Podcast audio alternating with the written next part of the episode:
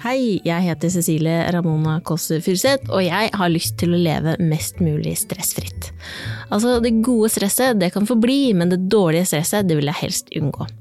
For noen måneder siden så hadde jeg en slags åpenbaring. Jeg rydda hjemme fordi det skulle vaskes, og så tok jeg bort nesten alt av leker, men jeg lot bøker og tegnesaker bli igjen. Resultatet det var mye mindre kaos og styr hjemme etter barnehagen. Og det viser seg at det minner litt om filosofien bak Instagram-profilen til en veldig klok mamma jeg følger. Så derfor har jeg invitert henne hit for å lære oss mer om hennes tilnærming til småbarnstilværelsen, inkludert potting og tøybleier. Velkommen tilbake til unntakstilstand.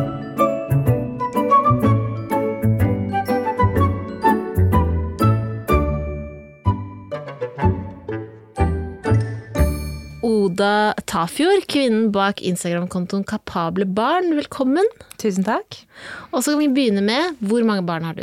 Jeg har en på tre og et halvt. Han heter mm. Alfred. Og så har jeg en i magen.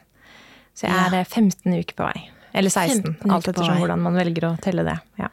Og så så jeg jo, fordi um, jeg jo, følger jo Instagram-kontoen din, og da så jeg også at du har jo vært i liksom debatt hva handlet det om? Ja, du, jeg har vært uh, I sommer har jeg rett og slett vært i, liksom på krigsstien. Fordi jeg har uh, oppdaget hvor dårlig det står til med svangerskapsomsorgen i Oslo. og også via de som jeg har snakket med på Instagram i hele landet, egentlig.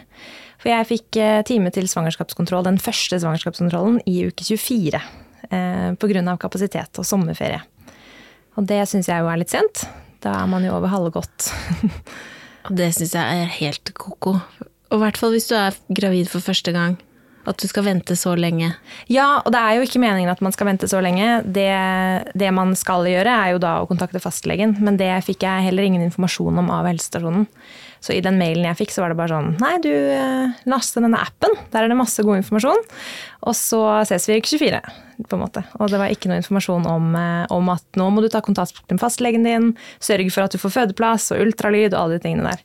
Så jeg har jo vært gravid før, vet hvordan eh, det burde vært, og klarte selv å på en måte regne sammen hva jeg burde gjøre. Men, men for en som aldri har vært gjennom det, og kanskje ikke har sånn kjempestort nettverk med andre mødre, f.eks., mm. så er jeg redd for at folk møter opp i på helsestasjonen i uke 24 og ikke har fått noen oppfølging, liksom. Det er jo ganske mange ting som skjer fram til da. Man vil jo gjerne se at alt står bra til. Ja, ja, det er jo alt. Altså, I teorien, hvis den, det barnet blir født den dagen i uke 24, så kan det overleve utenfor magen. Altså, det er kjempesent. Det er kjempesent. Men fikk du, noe, fikk du noe svar fra hva skal man si, myndighetene, holdt jeg på å si? Eller sånn, fikk du noen begrunnelse?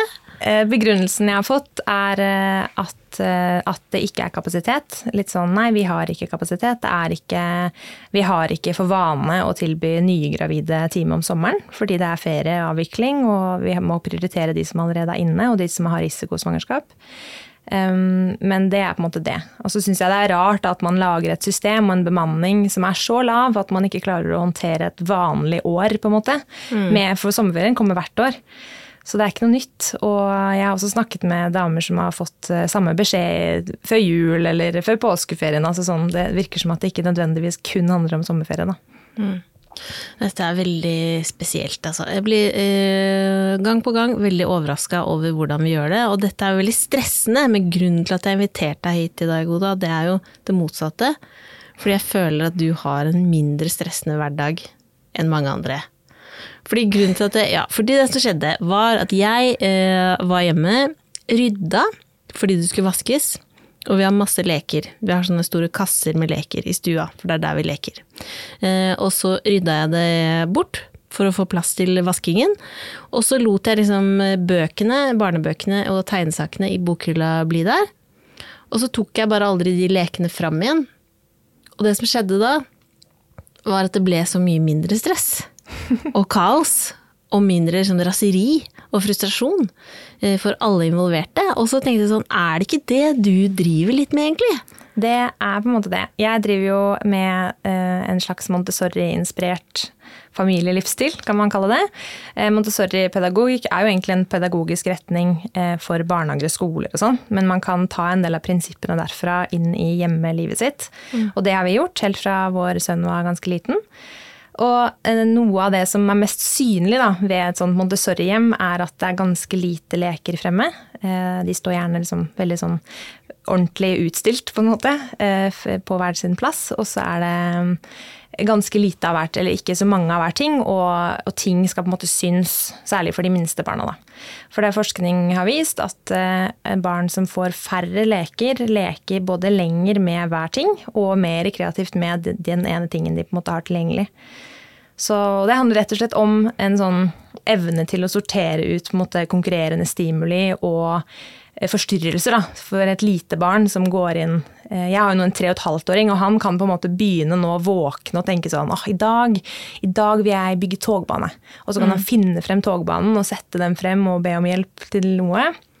Mens en på ett år vil ikke våkne sånn. En på ett år vil våkne og tenke sånn hvor er jeg nå? Hvem var det nå jeg var igjen? Og så går de inn i et rom, og så får de øye på et eller annet. Og så kanskje ser man, kanskje kommer de seg helt frem til det de fikk øye på i andre enden av rommet. Eller så oppdager de noe annet på veien og blir på en måte distrahert og går den veien. Og så får du en helt sånn mm. litt annen uh, måte å tilnærme seg et, uh, et rom på da, enn en voksen eller et stort barn.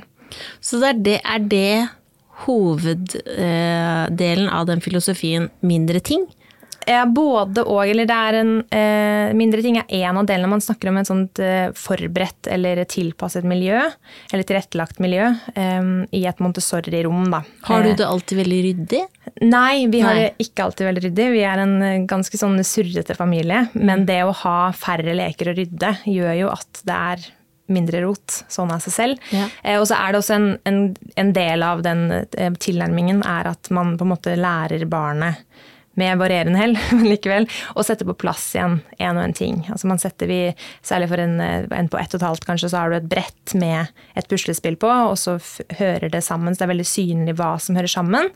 Og så kan barnet selv finne frem aktiviteten, gjøre det, sette det på plass igjen og tilbake i hylla, og så ta ut neste ting, på en måte. Det er på en mm. måte målet, da. Men handler det også om eh, å liksom lære, altså utnytte sånn barnas behov for å hjelpe til? Ja. Det er den andre synlige delen av et Montessori-rom. er En sånn tilrettelegging av, av, hele huset. Sånn at eh, enten ved at man får lave ting, så et, et Montessori-klasserom eller en, eh, en, i en barnehage, da, så ville du hatt en lav vask f.eks. Hvor barna selv kan vaske hender og vaske, vaske opp og gjøre alle sånne ting. Mens i et hus så er det jo litt urealistisk å drive og tilpasse kjøkkenmøblementet hele tiden. Så vi har eh, krakker overalt, og, mm. så det går an å få tak i det man skal. Og så har vi en uh, kjøkkenskuff på laveste nivå, sånn at uh, Alfred har tingene sine i kjøkkenskuffen. Um, og på badet har han på en måte ting som henger litt lavt, og et eget litt sånn tørkestativ og sånn. Um, så noen ting er i barnestørrelse. Henger barna... han, Vasker han sine egne klær? Nei, han, men han, jeg kom opp uh, Det høres jo litt, uh, litt psycho ut, kanskje, men jeg kom opp Han hadde hatt en, en, kompis på besøk, og så hadde jeg bedt dem om å bare gå opp og vaske, vaske ansiktet, for de hadde spist pannekaker. Eh, og, så, og, dette gjør han ikke alltid, altså, min sønn, altså, men jeg tror han på en måte ville være litt sånn stor, for han vennen mm. var litt større. Så hadde de gått opp på badet og funnet frem kluter og vasket fjeset, og så hadde Alfred funnet frem det tørkestativet sitt, satt den midt på badegulvet, og så hengt opp de to klutene. Så kom han sånn 'Jeg hang det opp, jeg, ja, til tørk'. så det, men det er jo et resultat av ganske mye sånn mengdetrening, på en måte. Ja. Og da jeg var hjemme i permisjon med Alfred, så var vi Jeg tror vi tilbrakte 80% av tiden vår på badet. For det var varmt der, jeg trengte ikke å kle på han så mye klær. Han kunne surre rundt, han elsket det. Og, så, og det han likte best, var å dra ned ting fra trykkstativet. Ja. Og da var det jo ikke sånn at jeg tenkte sånn åh, nå får jeg veldig god og nyttig hjelp her på badet. Mm. Da var det egentlig mest irriterende, for jeg hadde jo brukt ganske mye tid på å henge opp den klesvasken. Men nå ser jeg jo at det var jo sånn små byggestener på en måte til å faktisk gjøre, gjøre oppgaven fullt ut. da. Men hvordan klarer du å beholde roen eh, og tenke at nå får du god og nyttig hjelp, hvis for eksempel For det er jo ikke Når de skal hjelpe til, det tar jo veldig mye lengre tid. Ja. Og ofte, du kan jo nesten ikke gjøre det hvis du har dårlig tid. Nei, vi har valgt eh, liksom omhu når vi har invitert til bollebaking, på en måte. Så du inviterer ikke til bollebaking hele tiden? Nei, overhodet ikke. Eh, en vanlig hverdag hos oss eh, ser helt vanlig ut som alle andres hverdag. Vi har mm. også sånn stressende morgener med frokost foran TV-en og litt sånn Vi må bare få dette til å funke. Men vi prøver å, eh, å på en måte invitere til sånne små små handlinger hele tiden. Så eksempel hvis eh, Nå er jo han tre og et halvt, men vi har gjort dette litt sånn hele veien. Og når vi var hjemme i permisjon, så brukte vi stort sett det meste av tiden på å gjøre sånne ting sammen. Mm. Da, ok, dagens aktivitet neste to timene, det er å koste gulvet. Og så tar det lang tid, men du har jo ikke noe annet på en måte du må gjøre akkurat i den, det året der. Mens nå handler det mer om sånn hvis han spør om en flaske med melk, f.eks., eh, istedenfor å bare lage den flaska med melk, som jeg jo kan gjøre på fire sekunder, så sier jeg ja, hent deg en flaske, da. Og så henter han en flaske. Og hvis, da, hvis han er i humør, og jeg, vi har tid og, og, krefter, så ja, da kan du ikke finne krakken din, og så finner du fram melka. Mm. Og så gjør jeg et eller annet annet imens, og så, og så ja, ok, da kan du helle oppi. Og så heller han oppi. Og så har han jo eh, av og til så han ikke, gidder han ikke det, av og til sier han nei, du gjør det. Og så gjør jeg det. Det er ikke, ikke noe stress, men av og til så gjør han det helt sånn, helt på egen hånd. Mm. Um, og det også er jo et resultat av masse mengdetrening. Han begynte å helle uh, til alle måltider da han var ganske liten. Så fikk han en sånn bitte liten melkemugge som rommet liksom to desiliter med vann. Og helte oppi glasset sitt, og så etter hvert så lærte han seg og anpasse mengden. Først så helte han bare alt. Og så lærte han seg ok, hvis jeg skal fordele vannet på to glass, da, så må jeg helle litt og litt. Og så til slutt, nå har vi kommet til et sted hvor han både er på en måte sterk nok og høy nok til å håndtere en melkekartong, for det er jo ikke bare bare, eh, men også evner å på en måte sikte og, og ikke helle for mye og ikke søle for mye, da. Og av og til blir det søl, men det gjør det når jeg òg heller, så det Men tror du at, denne, at dere har gjort dette altså helt fra start? Er det har det laget mindre, et mindre stressende liv, tror du? Jeg tror det på noen vis, fordi eh, som du sier, så elsker jo barn å bidra og delta. Mm. Eh, og det gjør at vi har en dynamikk hjemme som, som, gjør at veldig mange av tingene man må gjøre i et hus, det gjør vi sammen. Mm. Ikke alltid, og ikke alt, men, men det er på en måte en sånn Å vaske huset på en lørdag kan være en familieaktivitet. Det er ikke sånn nå må vi stue bort barna, eller eh, noen må passe dem. Vi gjør det av og til òg. Men, eh, men, ofte så det, altså får, får, han kanskje en sprayflaske og en klut, og så står han og vasker, vasker speil i en time. Og så må jeg tørke opp masse søl rundt. Men, men, det er på en måte en sånn Vi gjør det sammen som en familie, på en måte. Og så tror jeg at eh, det at jeg ikke trenger å hjelpe han med alle sånne små oppgaver, gjør jo at jeg også får på en måte mindre å gjøre. Noen ganger får jeg mer å gjøre, for de ble søl, men jeg har litt sånn en filosofi på at hvis jeg bruker mindre tid på å rydde opp enn jeg fikk i fred og ro, mm. så er det verdt det. så hvis jeg, hvis jeg, må tørke opp vannsøl eller eh, havregryn, eller hva det skal være da, og det tar meg to minutter, men jeg fikk drikke kaffe i 20 minutter, da mm. har det vært en suksess, da. Mm. Uh, og det gir litt sånn ro. Men hvis det er noen som hører på nå og tenker sånn å, dette har jeg lyst til å prøve, hva kan man gjøre da? Fordi det er jo Er dette litt sånn trendy? Ja, jeg tror eh, Nå fikk jo jeg, jeg fikk barn i 2020, så det kan godt hende at dette har vært eh, inn kjempelenge uten at jeg har fått det med meg. Men jeg tror at eh, det fikk en liksom oppsving under pandemien. Ja. Fordi det er noen ganske sånne store, eh, særlig amerikanske sånne foraer på nett som eh, snakker om dette. Og eh, i USA så er det jo for det første veldig mange flere som hjemmeskoler og som har barna hjemme. Og så er det jo det? Om jeg har det? Skal du det? Nei, nei, nei. Vi, skal, nei. vi har barna i barnehage og full jobb og sånn, så det er ikke, ikke, et mål i det hele mm. tatt. Men, eh, men jeg tror den strømningen kommer litt derfra, kanskje. Eh, og der er det også vanligere å velge en foreldrestil. Det er jo sånn unorsk å si sånn 'jeg er en eh, tilknytningsforelder'. Eller mm. vi, vi, gjør, vi, er jo sånn sosialdemokratiske, vi gjør jo ting på samme måte som alle gjør, eh, mm. ofte. uten å sette sånne store ord på det. Men, men jeg innbiller meg at den, den internasjonale måte, dreiningen mot Montessori har påvirket Norge også, da. Så det var litt av grunnen til at jeg startet den kontoen, var at jeg savnet en litt sånn norsk nøkternhet i, i det der Montessori-miljøet på nett. Fordi amerikanske lekerom er jo helt enorme ofte. De har så mye greier og så mye ting. Og, og det at du, har en, eh, at du har tre barn hjemme og har satt opp huset ditt som en sånn hjemmeskole, er ikke, det er ikke overførbart til min hverdag på Grünerløkka i det hele tatt. Mm. Så jeg savnet en sånn en norsk eh, måte å snakke om dette på, eh, som gjorde det litt mindre pompøst og litt mindre krevende å sette i gang med, på en måte. Mm. Er dette for alle, tror du? Eh, ja, jeg tror det, men det, man får jo plukke, opp, liksom plukke de delene av det man syns appellerer til en selv, og som passer. For oss, eh, meg og min mann, så har det passet veldig godt med den foreldrestilen vi på en måte har. Eh, vi liker at han er selvstendig, og vi er ikke sånn veldig redde for at han skal falle ned fra ting og sånn. så, så, det han det, det, ligger oss ganske naturlig at han skal få prøve seg frem, og at han skal få klatre opp på ting og um, ja, å gjøre ting på egen hånd, på en måte. Så, så, for oss har det vært en sånn eh, en måte, eller for meg, da, særlig det er jeg som er mest aktiv eh, på researchen her, jeg skal innrømme det, så har det vært en god måte å på en måte få, få slags, et slags fellesskap og et, et språk og en, et sted å slå opp hvis jeg sliter med ting eller trenger inspirasjon eller et eller annet.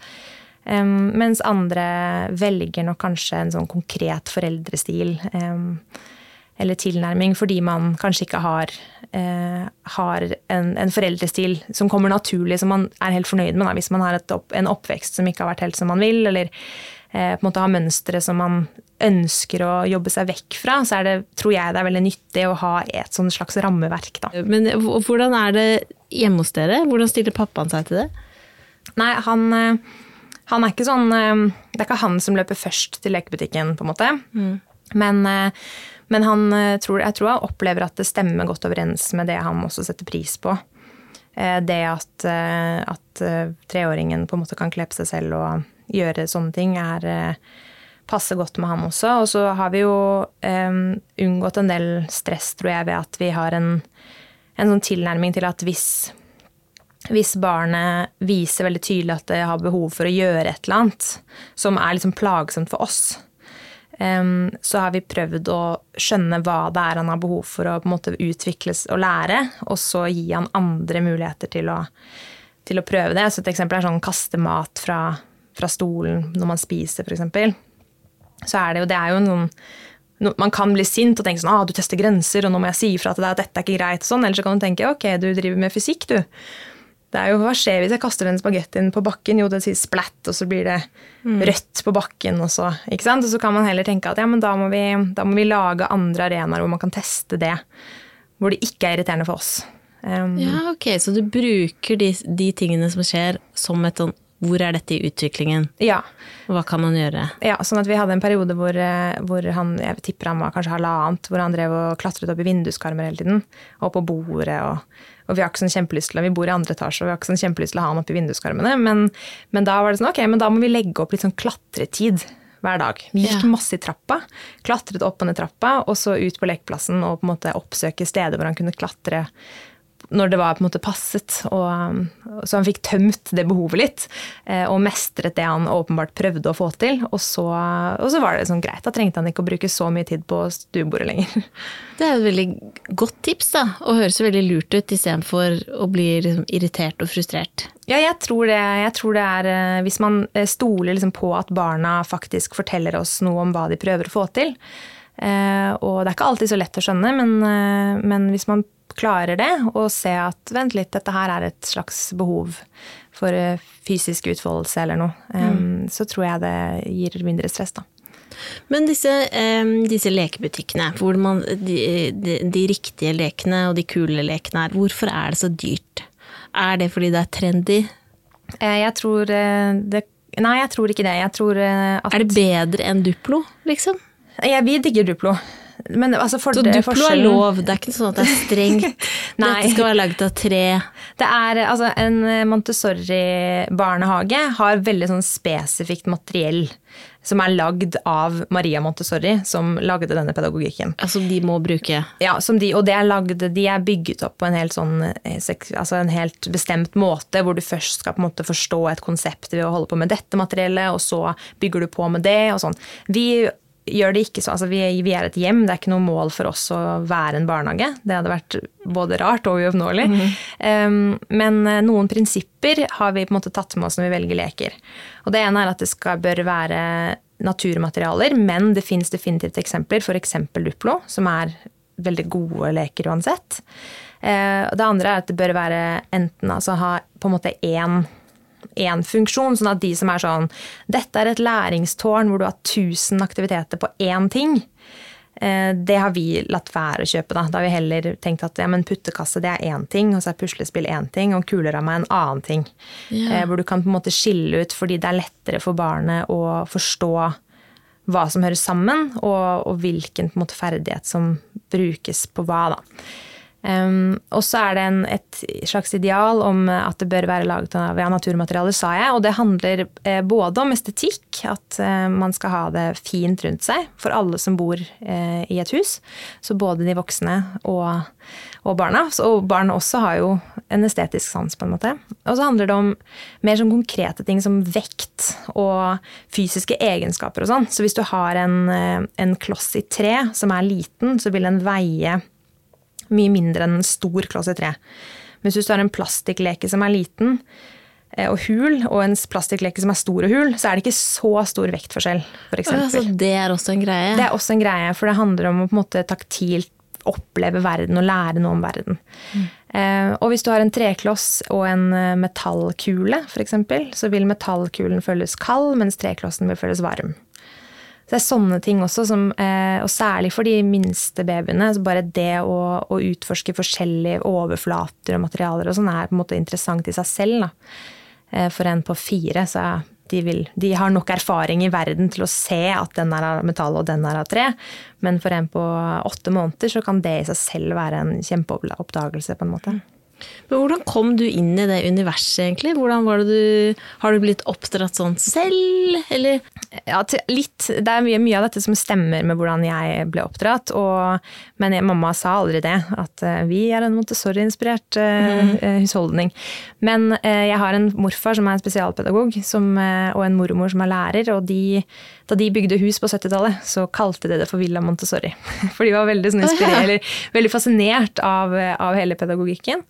Og så sa mamma til meg da jeg var barn at uh, hvis du skulle gått på privatskole, så skulle det vært Montessori. Og så sa hun ikke noe mer, så jeg visste ingenting mer om det enn det. Men det har vært et sånt ord som har fantes på en måte i min bevissthet hele livet. Mm. Og da jeg begynte, vi begynte med tøybleier og babypotting, um, så av en eller annen grunn så havnet jeg også da inn i et sånt Montessori-miljø på nett. Litt tilfeldig. Fordi det er litt overlapp på noen måter. Og så, og så ble jeg sånn Å, Montessori, hva var det igjen? Og så sjekket jeg, og da, da var Alfred var fire måneder da, og det var sånn ja, ok, full klaff. Dette må vi gjøre. Mm. Så siden da så har jeg vært ganske nerd. Men så, eh, og så står det også på Instagram-kontoen din at det er en sakte småbarnsliv. Er det også slow living, som jeg også har sett på veldig mye som forsider i sommer? Ja. Eh, Hva er det? Nei, det handler om å ikke ikke stresse rundt. Jeg prøver å f.eks. Hvis, eh, hvis mitt barn Hvis jeg har tenkt til at vi skal på Rema 1000 for å kjøpe pølser, eller hva det skal være, og mitt barn stopper opp i veikanten for å se på en snegle, eh, forutsatt selvfølgelig at vi har tid og ikke faktisk skal noe, men det var bare en idé jeg hadde om at nå skal vi gjøre noe hyggelig eller gøy eller noe, at vi faktisk stopper opp og ser på den sneglen. Eh, og at det å stå i den veikanten å oppdage den sneglen er eh, faktisk en viktig livserfaring, på en måte. Mm. Jeg tror vi ofte liksom drukner i gode intensjoner og store planer om hvordan vi tenkte det skulle bli som voksne. Og at man planlegger en sånn stor utflukt eller har så store prosjekter som man tror man må gjøre, og så er det egentlig på en måte grusen rett utenfor trappa som er mest interessant akkurat i dag. Og hvis man lar seg på en måte lar seg bli med på det, da, bare senker tempoet og tenker at ja, ja, men da, da, var det det vi skulle gjøre i dag, så har man det mer harmonisk, tror jeg, som både voksne og barn. Um, mm. ja, og liksom lærer seg å verdsette de små fenomenene som fins rundt oss hele tiden, eh, litt på nytt, da. Mm. Men det kjenner jeg meg veldig igjen i, for det er jo noe med eh, det der å sitte og liksom Nå skal vi samle sammen steiner. Nå skal vi finne den største pinnen, og så bruke veldig god tid på det, og så ta alt i deres tempo, liksom. Men det også krever jo da, som du sier, at man må ha tid til det. Hvordan passer det liksom med hvordan vi har det i dag? Mm, ja, det er et godt spørsmål. Um, det passer jo ikke så godt, egentlig. og, og ja, men jeg har liksom troen på at selv om hverdager er ganske hektiske ofte, eh, så har jeg troen på at hvis man klarer å på en måte fylle behovet litt for å studere snegler når man har tid, så mm. er det mer rom for at man ikke alltid har tid. Eh, og jeg tror, jeg merker det på meg selv i hvert fall, at jeg mye oftere enn nødvendig føler at jeg har dårlig tid. Og jeg sier ikke at man skal stoppe halv ni på morgenen når man skulle vært på, skal på et møte klokka ni og det er 40 eh, minutter å bevege seg til barnehagen. Da er det ikke rom for snegler. Da skal man ikke stoppe og se på snegler. Mm. Eh, men er man på vei hjem fra barnehagen og det er en annen voksen hjemme som lager middag, og det har egentlig ikke noe å si om man får i seg den middagen fem eller halv seks, da kan man kanskje stoppe og se på den sneglen. Så finne sånne luker i hverdagen. Ja. Og så tror jeg ikke mm. man trenger å tenke at det er så trenger å være så lenge heller. Jeg tror på en måte at eh, for et barn så oppleves to minutter som hele livet ofte. Sånn at bare det å få en sånn liten Ja, ja, men det er greit, det. At mm. man av og til istedenfor å si nei, så sier man hvorfor ikke. Og så gjør man det likevel. Eh, så trenger ikke de prosjektene til de barna å være så langvarige, egentlig. Men de oppleves som veldig langvarige hvis man står sånn og tripper bak og 'Kom igjen, da! Nå skal vi gå! Nå skal vi gå!' Som jeg gjør veldig ofte. Jeg skal ikke si at jeg er noe idealmenneske her, men, eh, men jeg prøver i hvert fall å på en måte ofte nok bare sette meg ned og tenke Så for de som tenker at dette er sånn høyterskel, så er det egentlig ikke det. Det handler om å finne liksom luker i hverdagen, og at du også du kan, Det er lov å ha dårlig tid. Ja, det er det om morgenen, og du kan ha eh, plastikkleker. Ja, man kan ha plastikkleker. Eh, jeg ville bare, sånn som du sa, pakket bort noen. Ikke hatt mm. alt fremme av gangen. Det er også sånn gøy. Vi, vi driver med sånn lekerotasjon hvor vi setter frem på en måte en ny rotasjon av leker regelmessig. Og da får vi også veldig mye Det er som om han får helt nye leker, liksom. Ja, for de glemmer jo de, de gamle lekene. De glemmer de gamle lekene, eller de bare ser seg litt blinde på hva de har.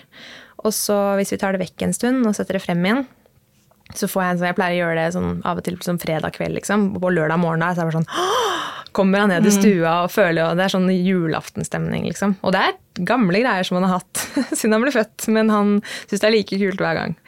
Men har, det, har dette også sammenheng med sånn eh, null skjerm? Eh, det kan man. Vi bruker skjerm eh, mm. som et verktøy, på en måte. Har, eh, nå har vi kuttet skjerm etter, etter, eh, barnehagen, men det er mest fordi vi skjønte at det ga oss problemer, på en måte. Eh, men vi har brukt skjerm som lenge før man skulle, sånn på papiret, gjøre det. Fordi at vi rett og slett har tenkt at det er mer verdt at jeg får en pust i bakken nå, enn å unngå den skjermen. Mm. Så vi er liksom pragmatisk forhold til akkurat det. Um, men jeg ser det at uh, vi har i perioder måttet gå litt sånn cold turkey på skjerm. Vi hadde bl.a. en periode hvor han, han fikk se på barne-TV når han satt på potte. Og da var han sånn litt over ett, og så han, gjorde han sånn tegnspråk for potte. Og da etter hvert så begynte han å skjønne at når potte er lik barne-TV, så da drev han og sa at han måtte på do hele tiden. Ja, så han satt på do hele tiden? Han satt på do og måtte ikke på do, og satt sånn og så på. Så han ble så sleip, og, så, og da mm. skjønte vi at greit, nå, nå Og han hadde jo ikke sånn, han hadde ikke et eget tegn for TV, så han kunne jo ikke be om det. Han hadde på en måte bare potte. Um, så da, da, måtte vi kutte det ned litt. Og så mm. har vi hatt andre ganger også hvor vi merker at nå er det veldig mye masing om skjerm. Nå er det ingenting annet som frister, det er ingenting annet han har lyst til å gjøre. Og da har vi gått helt sånn Nå er det null skjerm i en uke, på en måte. Mm. Eh, for å nullstille litt og få ned sånn avhengigheten, på en måte. Og det har funket, da. Men vi har uh, tatt en sånn dynamisk tilnærming til akkurat det der. Og det er veldig deilig å høre at du sier det, fordi jeg tenkte at du nå skulle være sånn nei, dette er ikke bra i det hele tatt. Og så tror jeg det er så mange som bruker det, inkludert meg selv. Bare fordi, eh, og i hvert fall sånn når man har, jeg hadde liksom en nyfødt og en Eh, som også basically var en baby samtidig. Av og til så måtte jeg bare Nå må vi ha en pause her hvis, skal, hvis vi skal klare å leve oss gjennom dagen, liksom. Ja. Men så merker jeg også at jeg har gjort det samme som deg, at vi hadde sånn en måned hvor det ikke var noe skjerm. Mm. Og det også var eh, veldig vanskelig i starten, og så gikk det veldig bra. Og så kom sommerferien, nå er vi litt tilbake på skjerm. Ja, men jeg tror det er helt greit, jeg. Ja. Jeg tror at eh, vi prøver å velge liksom omhu hva man skal eh, hva vi velger å se på. Det er vanskeligere nå som han er blitt litt eldre, men da han var yngre, så valgte vi stort sett kun ting med ekte mennesker, altså ekte barn.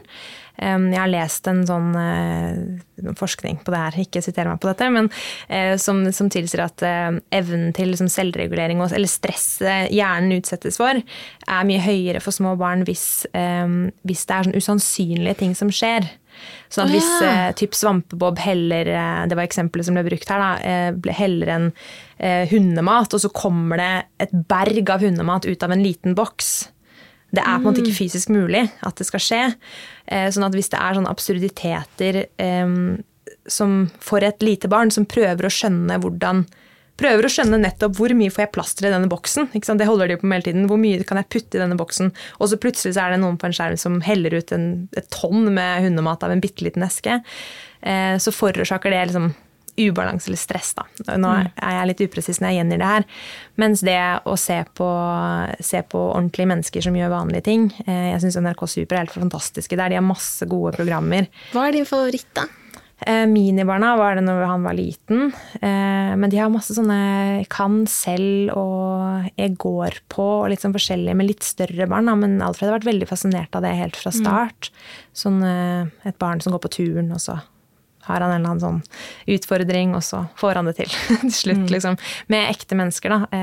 Så det fenger veldig. Og så er vi veldig glad i sangfoni. Også, det så han også på da han var sånn halvannet med musikk, og nå har han begynt å se på det igjen. Nå skjønner han på en måte litt mer av hva som skjer, da, men ja, så de, de, programmene der med ekte mennesker. Og den Kan selv er også på NRK Super og viser eh, klipp fra det som må være en Montessori-barnehage. Um, ja. Så det er liksom, hvis noen lurer litt på hvordan det ser ut i praksis, så kan man sjekke ut den, da. Mm. Så. Og så um, lurer jeg på, du var jo innom potting og tøybleier. Det må vi snakke mer om. Det er det veldig mange som snakker om nå, føler jeg. Jeg vet ikke om det er mine algoritmer som gjør at uh, det er mye sånne ting i min feed, men det er mye potting av tøybleier. Og da kan du For det er jo sånn de har drevet med kjempelenge i historien. Altså mm. putter mm. Hva er det du gjør? Du putter babyen eh, over vasken eller doen fra de er nyfødt, liksom? Eh, ja, det, vi begynte med det da Alfred var sånn tre måneder ish. Men eh, prinsippet er egentlig akkurat som når du tyder om et barn er sultent eller trøtt. Det gjør vi jo hele tiden. Den ungen kommer ut, og så ser du på den, og så knirker den litt, og så lager den sånn suttebevegelse med munnen, og så tenker du åh, nå er den sulten. Så det, og akkurat det samme kan man også gjøre med behovet for å gå på do. For den ideen om at, eh, den ideen om at barn overhodet ikke kjenner at de må på do, den er ganske ny. Er, eh, den oppsto omtrent samtidig med at papir- eller plastbleiene kom.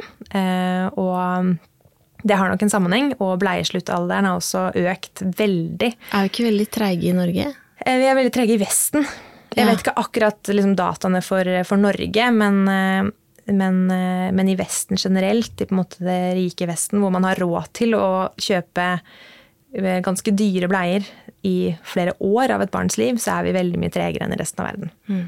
Eh, og så er det mer eller mindre sannferdig forskning som tilsier at man skal vente til barna er helt klare, og for å liksom ikke, ikke slutte med bleie for tidlig, for da taper jo bleieprodusentene penger. Men det er også veldig nytt. Er det løgn? Eh, jeg, ikke, jeg, har ikke sjekket dette selv, så det skal jeg ikke si. Dette syns jeg er veldig spennende. Ja, det, er, det, fins en eh, Det fins i hvert fall eh, en påstand i, et, i, disse miljøene om at Pampers hadde en lege som uttalte seg om at barn som ble presset til å slutte med bleie for tidlig, ble skadet for livet. Typ. Og den legen var kjøpt og betalt av, av Pampers. Men jeg har ikke lest rapporten nå, ikke sant? Mm. så jeg skal ikke gå, gå, helt god for det. Men uh, som følger av den påstanden, så har det blitt en sånn idé om at man må vente til barnet på en måte sier ifra at det er klart å slutte med bleier. Og det man egentlig venter på da, er jo at barnet klarer å snakke i fulle setninger ofte. Og jeg som nå har en tre og et halvt åring eh, som er full av vilje og kan snakke i fullsetninger, er veldig glad for at jeg ikke må slutte med bleier nå. for han vil ingenting. Så det ja. Så det du egentlig har gjort, det er du har fulgt med på signalene, og så når du har tenkt at nå er det tiss eller bæsj, Ja, så det, det har hoppet litt her. Men ja, så vi fulgte med på signalene til eh, baby Alfred. Eh, og fulgte også med på han prøvde å på en måte lage et slags eh, Eller skjønne om det var et mønster her. Så vi hadde ikke som mål å på en måte ikke bruke bleier. Vi brukte tøybleier da, på han. Og de to tingene er veldig kombinerbart. Babypotting og tøybleier er veldig, passer godt sammen, fordi tøybleiene eh, blir ikke så fort tørre som engangsbleier. Som gjør at babyen faktisk kjenner at eh, han eller hun blir våt. For engangsbleier absorberer jo med en gang. Sånn at du kobler på en måte vekk signalet fra og kroppen. Og også motivasjonen for deg til å vaske mindre også bleier, eller? Ja, akkurat det syns ikke jeg var så stress, faktisk. Nei. Spør meg igjen nå når jeg får to. Kanskje det blir verre. Men, men ja, du må, og særlig i gamle dager, da, når de måtte koke bleiene for hånd. Nå var det jo å sette på en maskin. Mm. Det, så, det, er ikke så stress å vaske de bleiene, syns jeg. Noen syns nok det er kjempestress. Eh, men i gamle dager når man måtte koke bleier eh, Min svigerfar er tvilling, og de var fire søsken. Og moren hans gadd ikke å koke tvillingbleier i mer enn et år. på en måte. Det var sånn, nei, Da var det ferdig. For det mm. var utrolig krevende.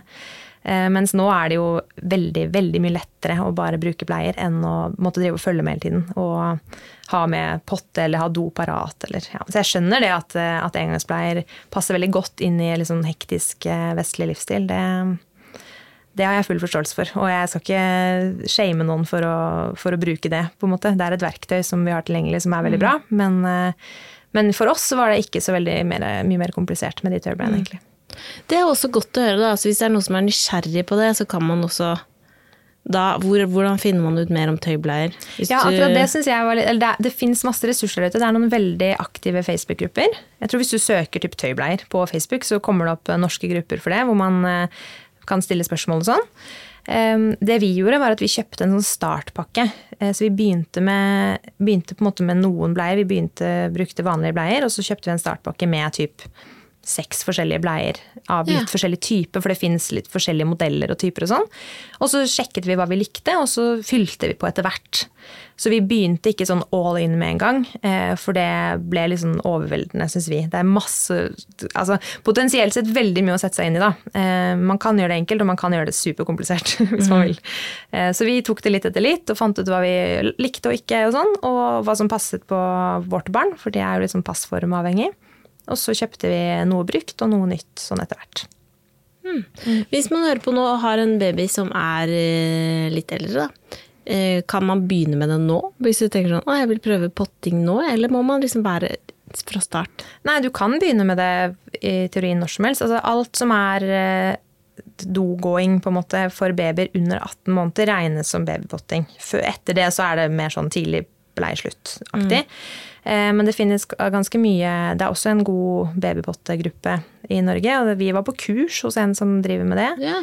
Eh, I Oslo. Sånn litt tilfeldig ble invitert med når alt var sånn tre uker. Jeg tenkte sånn, ja, ja, ja digg å komme seg ut av huset. så tenkte jeg sånn, det her er ikke noe for meg. Og så gikk det noen måneder, og så drev jeg, så ammet jeg, og så vred han seg så veldig. Han liksom lå sånn veldig urolig ved puppen. Og så skjønte jeg sånn, å ja, du må på do, du. Og så, så det var sånn vi på en måte, jeg kom på det, at det, det, er jo en greie, det går an. Så da tok vi, Først så satte jeg han bare opp i senga foran meg, der vi satt, og så bæsja han. Og så gjorde vi det noen ganger, så tenkte jeg sånn, men jeg trenger ikke å ha han i bleia og så skifte bleie etterpå. Jeg kan jo bare gå og ta av han bleia, og så holde han over vasken istedenfor. Og så gjorde vi det. Og da var vi på en måte i gang, da. Og så tok vi resten på rutine. Så vi tok bare sånn når, eh, når han våknet. fordi når man sover, så holder man seg som regel. Um, for det er hormonelle endringer i kroppen. Sånn at man holder seg når man sover. Så etter at man, når man våkner fra en lur, det kan jo voksne også kjenne seg igjen i, så må man ofte tisse. Mm. Uh, så da tok vi han med på do rett etter at vi våknet, og tisset han som regel. Og det var det vi gjorde lenge. Helt til han ble stor nok, sånn rundt et år, så, så begynte vi å å skjønne at når han på en måte ikke hadde på seg bleier eh, Hvis han gikk naken rundt hjemme, så fikk vi så sa han på en måte ifra eller gikk bort til potta, eller så begynte vi å skjønne at å ja, du prøver faktisk å si ifra om noe her. Og han sa liksom ba, men ba betydde alt mulig rart. Det var mange ja. forskjellige ting. Så da innførte vi sånn babytegn. Så vi innførte et sånn tegnspråktegn for potte. Mm. Som han uh, lærte seg. Så da sa han ifra om at han måtte bæsje, men ikke tisse før han var halvannen cirka. Og da slutta han med bleier når han var Vi sluttet med bleier da han var 16 måneder. Eh, og det gjorde vi fordi, fordi vi merket nettopp det at når han gikk uten bleie hjemme, så sa han ifra oss om tiss, mens når han hadde på bleie, så tisset han i bleia. Eh, sånn at når vi ikke hadde Så hjemme, så, så vi sluttet bare hjemme først. Sånn at eh, og så tok vi han med på rutine og sånn. Vi, altså, vi tok han med på rutine stort sett hele tiden. Han var tre, så det var fortsatt liksom, har vært vårt ansvar å passe på at han kom seg på do. Det er ikke sånn at en eh, fem måneder gammel baby sier ifra sånn Hei, mm. mamma, jeg må tisse. det kan man ikke forvente. Men, eh, men, eh, så vi sluttet med bleier da, og det gikk kjempefint. Og så hadde vi bleier i barnehagen frem til etter sommeren det året, og da var han 18 måneder, og så sluttet han i barnehagen også. Så det, så det er, Men dette, jo, dette blir jeg ikke liksom helt klok på, for jeg også har lest veldig mange steder sånn Nei, de må ikke finne på å gjøre det før de er klare, og hvordan vet man det, liksom? Og at du er redd for å liksom fucke opp at de liksom har et dårlig forhold til do for resten av livet, eller at de blir evig forstoppa. Altså, det er så mange sånne ting. Ja. Jeg tror at eh, eh hvis man bruker straff som straff, på en måte, for at de tisser på seg, da lager du problemer for alle. Ja. Eh, sånn at det kan godt hende at eh, når eh, man forsket på dette på 50-tallet, at det faktisk var problemer knyttet til tidlig potteslutt fordi at man hadde foreldremetoder som var skadelige uansett hva det handlet om. Ikke sant? Så hvis du, hvis du, får et dask på rumpa når du tisser på deg, eller uh, må stå i skammekroken med våte bukser, ja, da er det, da, da er det skadelig. Men det, mm. det, handler ikke om Det handler jo om noe annet. Det handler jo ikke altså, Og do er jo en av de første sånn intime Det er jo intimt, på en måte, og det er kanskje den første sånn intime opplevelsen man har. Det første tingen som man knytter skam til, f.eks. Eh, når man er et barn. Så det er liksom, man skal være liksom varsom. Men, eh, men, jeg tror at hvis man klarer å beholde ikke avlære eh, den refleksen om at man kjenner at man må på do, som jeg tror man gjør hvis man bruker tøy, eller vanlige bleier over veldig lang tid, da, så kobler man på en måte vekk. Da sier du det er ikke viktig å kjenne etter. på en måte. Er, du kan bare fortsette å leke. Også. Mens hvis du gjør På en måte beholder den awarenessen, nå kommer jeg ikke på noe ord, i, mm. sånn, i kroppen eh, fra de er små, og utvikler den hele veien ved å på en måte gi dobesøk en plass i hverdagen din, eh, så tror jeg at det blir lettere, da. Eh, så både tøybleier og babypotting, selvfølgelig, bidrar nok til at man både som forelder er mer bevisst på at når det tisses og bæsjes, og ja, hvor lenge holder faktisk dette barnet seg, og eh, hvor er vi egentlig i løypa her? Eh, men også for barnet å, å på en måte ikke, ikke koble vekk den, den, følelsen av at nå må jeg på do, det betyr noe. Eh, og det skjedde når jeg gikk på do. Enten mm. så gikk det i buksa, det ble vått og litt kaldt, eller så kom jeg meg på do i tide, og da var det rent, og jeg slapp å få tiss på huden. og det er jo sånn, De har sånn behov for hygiene, de òg, selv om de er bitte små. Alle mm. pattedyr har jo det. på en mm. måte. De, mens mennesker så tenker vi at det, nei, det, det behovet for hygiene det oppstår ikke før de er tre og et halvt, eller hvilken alder man setter på det. da. Mm. Og det tror kanskje ikke jeg stemmer. Det er interessant. Eh, hva med når han sover på natta, da? Vi bruker fortsatt bleie på natta. Ja. ja. Det er mange som slutter samtidig. Vi har sovet for dårlig. ja. ja. Så det handler rett og slett om, eh, om, convenience for vår del. Vi har sovet altfor dårlig til å gjøre det på natta. Og så blir jeg ikke helt klok på sånn, hva er det som er hormonelt og sånn. Så vi har bare ventet med det. Um, og, og, nå har jeg begynt å ymte frem på at vi skal slutte med bleier, og nå sier jeg nei, jeg skal slutte når jeg er fire. Okay. så nå kikker viljen din. så da, ja, vi får se hvordan det mm. går. Men uh, men hvordan tror du altså hele opplegget, hvordan tror du det blir når du får et barn til? Eh, jeg håper jo at vi har sluttet med bleier helt da, på nummer én eh, når det barnet kommer. Men nå har vi jo tenkt til å Vi opplever den babypottingen som den største som foreldrehacken som jeg har. Og mannen min også var superskeptisk når jeg kom hjem og sa sånn Nå har jeg vært på, do, nei, på, på kurs og lært at babyer går på do. Han bare mm. ok, du har blitt psyko. Men så oppdaget vi jo veldig fort at det gagnet oss også veldig. Eh, og særlig i kombinasjon med tøybleiene at hvis du slipper å vaske bæsjebleier, så har du mindre ting å vaske.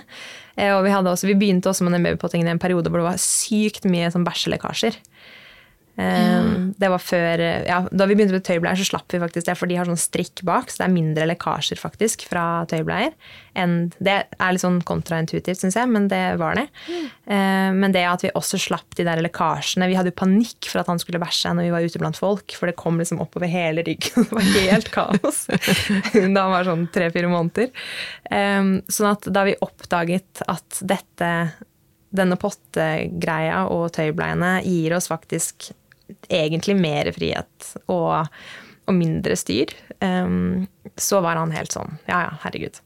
Så det, han, han sier, forteller det til kompisene sine som skal få barn og sånn, at bare, det er en hack. det må dere prøve, for det var helt konge. Jeg kjenner at jeg får lyst til å dra tilbake i tid og prøve det selv.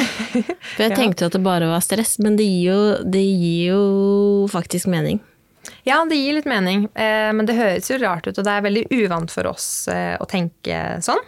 For, men jeg mm. tror eh, veldig mange besteforeldre og oldeforeldre i eh, det ganske land har gjort dette her og ikke hatt noe navn på det, da, men det har bare vært sånn man gjorde det. på en måte. Mm. Er det noen andre ting du liksom gleder deg til å ta med deg inn? Jeg gleder meg veldig til, eh, til babyperioden. Jeg likte veldig godt babyperioden. Jeg vet at mange syns det er helt grusomt. Men, men, særlig sånn når den babyen begynner å utforske ting og det er noe helt utrolig fascinerende med den derre driven som babyer har til å få til ting. Jeg husker Alfred ble sånn opphengt i sånne stabletårn. Han var helt obsesst. Og hver morgen så liksom kravlet krablet seg sånn bortover og, og, og var kjempe og illsint fordi han ikke fikk det til. Og jeg var litt sånn Er det her for mye? Skal jeg ta det vekk? Eller? Men så lot jeg han, og jeg tror det tok en uke før han fikk det til. Og da var han sånn Ja, fornøyd. Og så gikk han videre til neste ting. på en måte. Og den der indre driven der, den tror jeg ikke fins resten av livet. Men det er helt sykt fascinerende å følge med på. Og hvis man klarer å eh, Jeg har satt veldig pris på å ha noen sånne faglige knagger på en måte å henge det på. Eh, sånn, 'Å ja, det er dette du prøver å få til nå, og dette bygger på den ferdigheten', og sånn. det har gitt meg liksom mer det har gjort at det er mer spennende å sitte og se på en baby hele dagen i permisjon, som jo kan være en liksom kjedelig tid. Eh, men det å ha noen sånne ting å følge med på, og se etter, og ja, hvordan er grepet ditt nå egentlig, og hva er det du sliter med, hva er det du får til, Hvilken, eh, hvilket lille steg er det neste du prøver å få til, og sånn, det gjør at det er mer spennende også å være foreldre til en baby, syns jeg. Mm. Mm. Hvor har du lært alt dette, Oda? Internett. Internett, Internett og, og, noen bøker. Um, mm. Men mye fra internett. Jeg har har hatt veldig nytte av sånne online-fellesskap, og særlig fordi jeg var pandemimor. da. Jeg satt jo helt alene. Eh, så det å finne noen sånne eh, online-grupper og fellesskap hvor det var likesinnede mennesker, hvor du ikke trenger å på en måte brøyte deg gjennom masse sånn rådet som du ikke vil ha, for det ikke stemmer overens med ditt barnesyn, eller et eller annet, for det må man jo i sånne generelle grupper, så må man jo ofte det. Um, så for meg var det, uansett hva slags stil man velger som forelder, så tror jeg det er en hack, da, å, å finne en sånn Ok, men her Vi deler en sånn nisjeinteresse. Um, så her kan jeg på en måte Her trenger jeg ikke å filtrere så mye. Uh, så det å følge med på andre, andre foreldre sine spørsmål og ja, og ja min, min, sønn på ett år er kjempeopptatt av kuer. Hvordan kan jeg, hvordan kan jeg på en måte hjelpe han å utvide interessen? Og så får du tips som på en måte ikke er relevant for deg akkurat da, men så har du det i bakhodet til det gjelder deg. Da. Det har vært veldig nyttig for meg. Så jeg har fått veldig mye, veldig mye nytte av sånn erfaringseksperter, på en måte. Andre foreldre som eh, er på et litt annet stad enn meg, kanskje, men eh, men som deler en sånn måte å tenke på. Mm. Mm.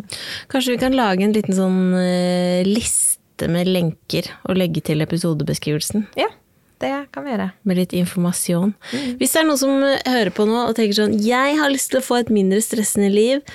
Oda, hvor begynner jeg hen? Eh, jeg ville begynt med å øve på sånne småting. Øve på, og istedenfor å uh, istedenfor å gjøre alt for et barn. Altså sånn, Si barnet skal spise en banan. Istedenfor å skrelle bananen og skjære den opp, så ville jeg heller prøvd å bare skrelle av litt, og så se om barnet kan klare å skrelle resten selv, f.eks.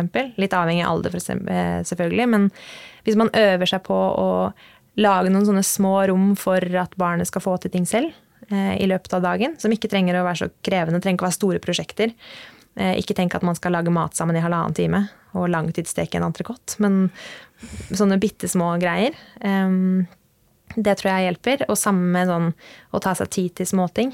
Tenk at vi har faktisk to minutter nå. La oss bruke de. Eh, prøv å la ungen ta på den sokken selv, selv om det tar litt lang tid. Og så får du heller steppe inn når det ikke går. Prøv å vente med å hjelpe barn til barnet faktisk ber om hjelp. Det tror jeg vi er veldig raske med å hoppe inn og liksom komme ja, til unnsetning. Men det å la barnet konsentrere seg i fred, helt til det faktisk sier eller signaliserer veldig tydelig at nå trenger jeg hjelp, det tror jeg er nyttig. Um, det har gitt meg mindre stress, i hvert fall.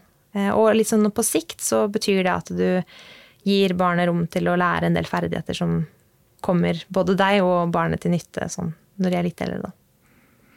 Dette er veldig gode råd, eh, Oda.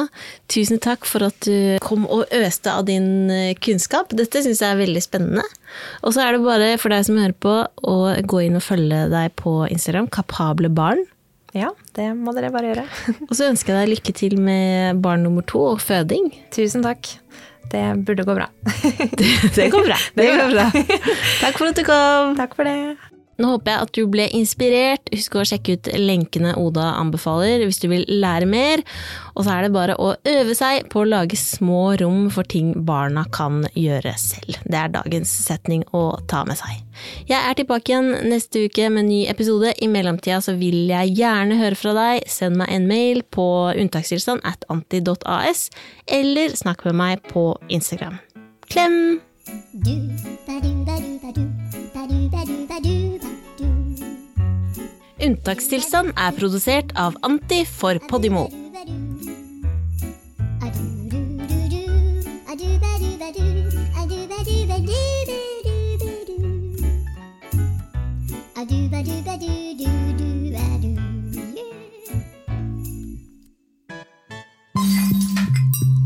Yeah.